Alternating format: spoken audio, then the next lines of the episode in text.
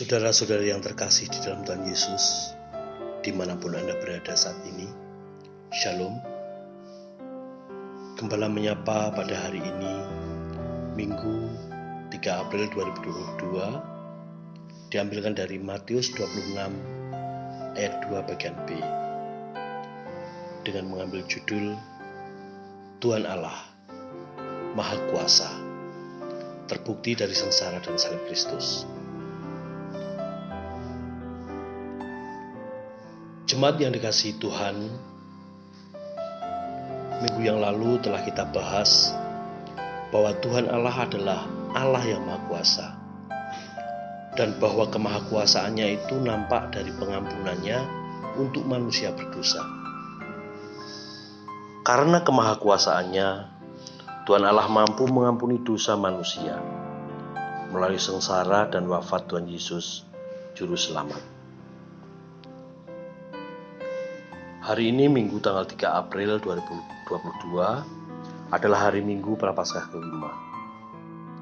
Masih ada lagi satu hari Minggu Prapaskah, yaitu Minggu Prapaskah ke-6, tanggal 10 April 2022. Dan setelah itu hari Raya Paskah yaitu Minggu 17 April 2022. Untuk hari ini berdasarkan Matius 26 ayat 2 bagian B, kita akan merenungkan sabda Tuhan dengan tema Tuhan Allah Maha Kuasa, terbukti dari sengsara dan salib Kristus. Dalam Matius 26 ayat 2 bagian B, Tuhan Yesus bersabda, Maka anak manusia akan diserahkan untuk disalibkan. Ayat tersebut merupakan pemberitahuan keempat yang disampaikan Tuhan Yesus berkenaan dengan sengsara dan wafatnya. Dalam ayat itu ia menyebut dirinya sebagai anak manusia yang menunjukkan bahwa ia adalah manusia yang dilahirkan menjadi juru selamat. Tuhan Yesus juga memberitahukan bahwa ia akan diserahkan, yaitu diserahkan kepada imam-imam kepala dan tua-tua bangsa Yahudi, dan harus menderita sengsara, dan akhirnya ia akan disalib dan wafat. Dengan pemberitahuan yang keempat, berkenaan sengsara dan wafatnya tersebut, menunjukkan bahwa Tuhan Yesus betul-betul menyadari bahwa jalan sengsara dan salib itulah jalan yang sudah ditentukan Tuhan. Dan bahwa ia sangat siap sedia untuk menerima dan melakukan dengan tekad dan kemantapan hati.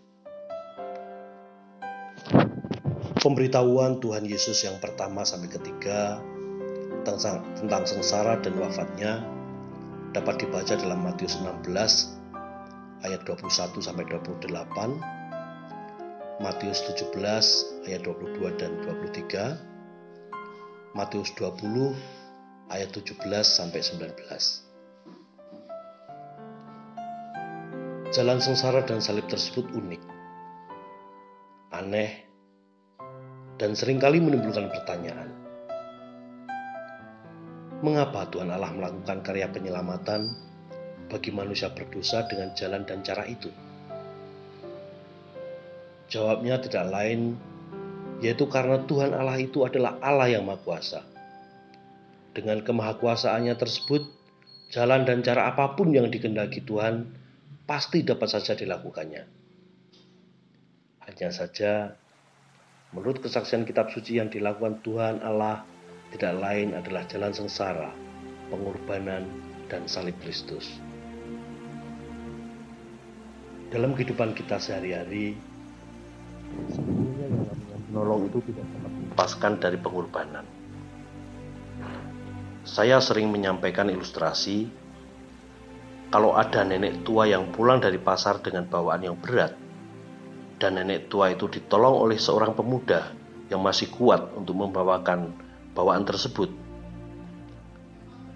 Bukankah pemuda yang menolong itu telah melakukan pengorbanan bagi nenek tua tersebut? Demikian halnya dengan karya penyelamatan Allah bagi manusia berdosa. Jalan dan cara yang sudah ditetapkan Tuhan adalah jalan sengsara, pengorbanan, dan salib Tuhan Yesus. Jalan dan cara Tuhan Allah tersebut dilakukannya karena kemahakuasaannya. Dan itu adalah hak prerogatif Tuhan Allah yang tidak dapat disangkal dan diganggu gugat. Dengan perenungan di atas, biarlah kita semakin bertumbuh rasa bersyukur kepada Tuhan dan semakin bertumbuh kemataman iman kita kepada Tuhan Allah. Kita mempunyai Tuhan Allah yang Maha Kuasa dan Allah yang melakukan karya penyelamatannya yang unik, aneh, melalui jalan pengorbanan Kristus. Tuhan memberkati dan beserta kita sejemaat. Amin.